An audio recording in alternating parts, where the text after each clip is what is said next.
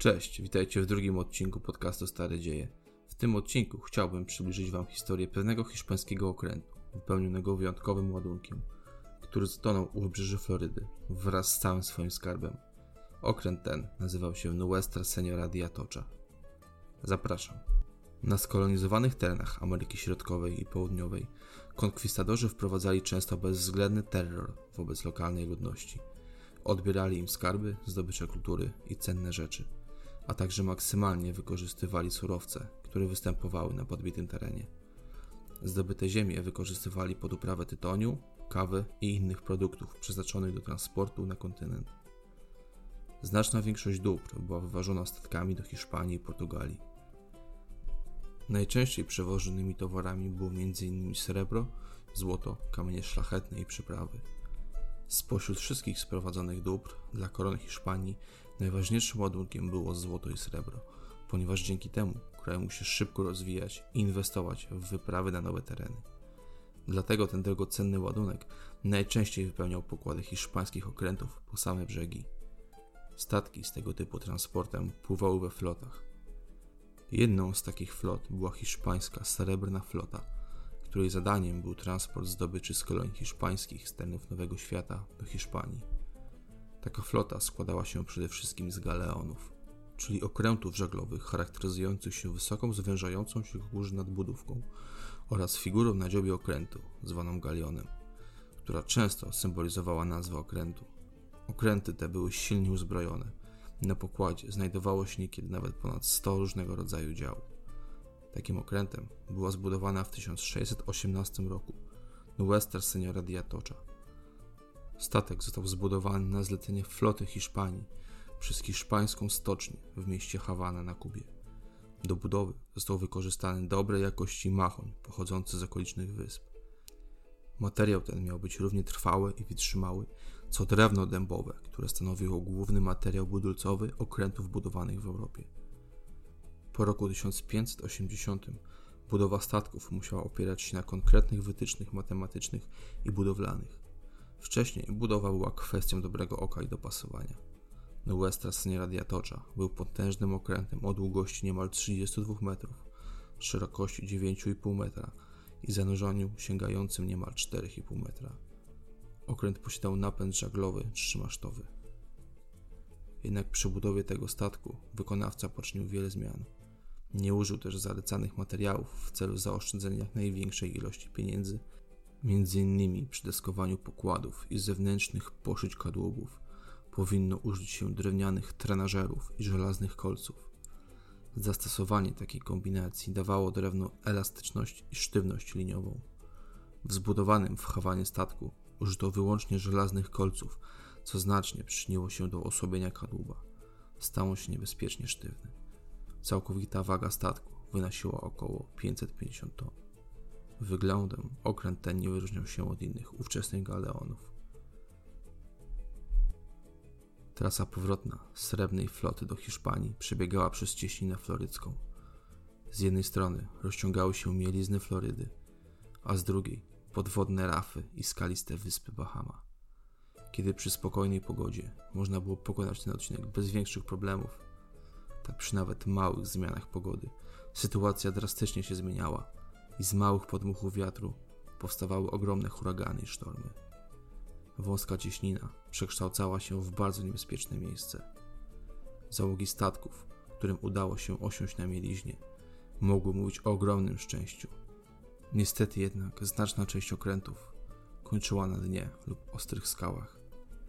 Wskutek tego, że szczątki statków rozciągnięte były wzdłuż archipelagu, poszukiwacze skarbów nazwali tę okolicę Srebrną Ławicą.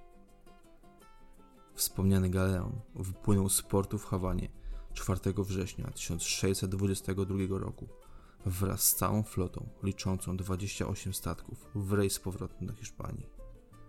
Flota obrała kurs na północ w kierunku Florida Keys i silnego prądu zatokowego, kierując się przez wspomnianą wcześniej cieśninę.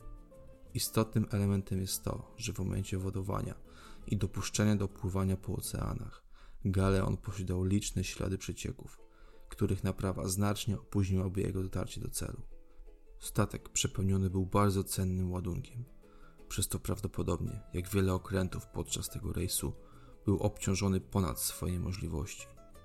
Na pokładzie Nuestra Seniora de Atocha znajdowało się ponad 80 żołnierzy oraz liczna szlachta wraz z rodzinami, łącznie 265 osób. Według zapisków, jako ładunek przewoził 901 srebrnych baryłek, 161 złotych baryłek i około miliona srebrnych monet i wiele innych kosztowności. Oprócz tego był silnie uzbrojony. Zajmował pozycję z tyłu floty. Po dwóch dniach od wypłynięcia flota wpłynęła już na cieśninę florycką. Wieczorem rozpętał się silny wiatr, który w nocy znacznie nabrał na sile. Podczas silnego sztormu zatonęło łącznie osiem statków, w tym Nuestra Seniora Diatocza. Wszystkie rozbiły się i zatonęły na rafach w pobliżu Florida Keys.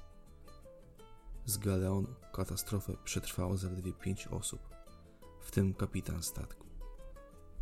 Przez kilka następnych lat po zatonięciu część floty, hiszpańscy marynarze i żołnierze próbowali zlokalizować i odzyskać cenny, zdopiony ładunek. Udało się wyłowić tylko kilkaset sztabek srebra, kilka dział i około 65 tysięcy srebrnych monet, co w porównaniu z całym ładunkiem jest znikomą ilością. Po licznych niepowodzeniach zaprzestano prób ratunkowych skarbu z tego okrętu.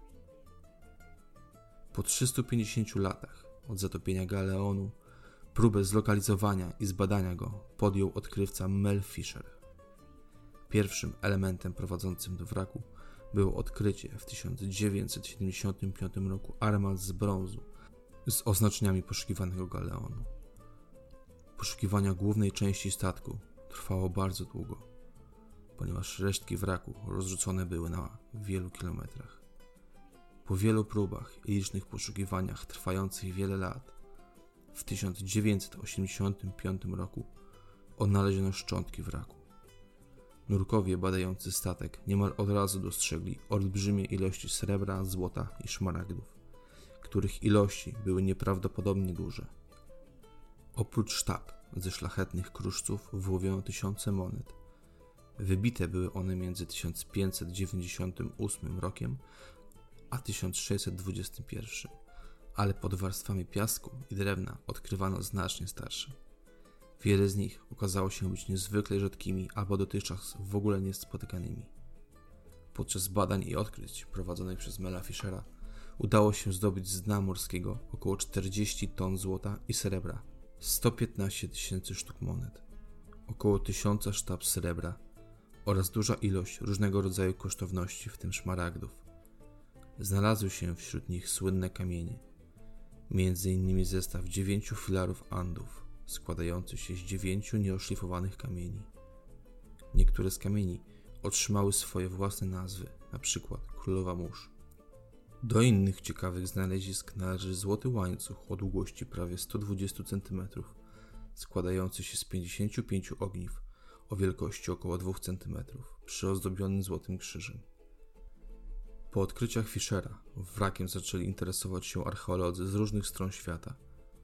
Niestety do pewnego czasu archeologów współpracujących przy badaniach statku odsuwano od możliwości dzielenia się informacjami ze światem naukowym, ze względu na to, iż głównym odkrywcą był poszukiwacz skarbów, którego celem równorzędnym dla naukowego był cel finansowy. Każdorazowe badania przynosiły liczne znaleziska materiałów wartościowych, ale pośród nich były też równie cenne kulturowo znaleziska, które pozwalają lepiej poznać ówczesne życie, kulturę i obyczaje. Są to na przykład rzadkie instrumenty nawigacyjne, przedmioty wykonywane przez rdzennych Amerykanów z Ameryki Środkowej i Południowej, narzędzia służące ludziom różnych zawodów czy artefakty religijne.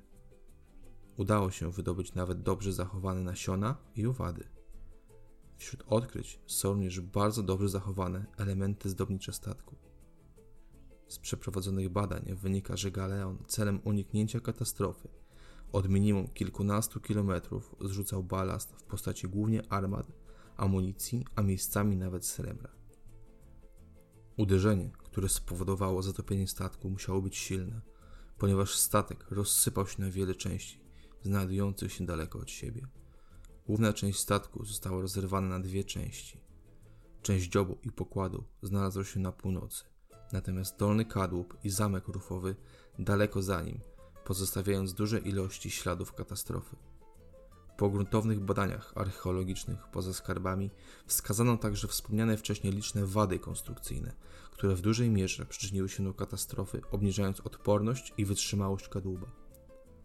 Obecnie duża ilość zabytków z Nowe Stracenia Radiatocza znajduje się w muzeum utworzonym przez organizację Mela Fischera. W 2014 roku statek został wpisany do Księgi Rekordów Guinnessa jako najbardziej wartościowy kiedykolwiek odnaleziony wrak. Z jego szczątek wydobyto 40 ton złota i srebra oraz 32 kg kamieni szlachetnych. Aktualnie nadal prowadzone są badania statku przez organizację zmarłego już Mela Fischera oraz archeologów. Organizowane są również nurkowania, dzięki którym możemy na własne oczy zobaczyć wrak statku.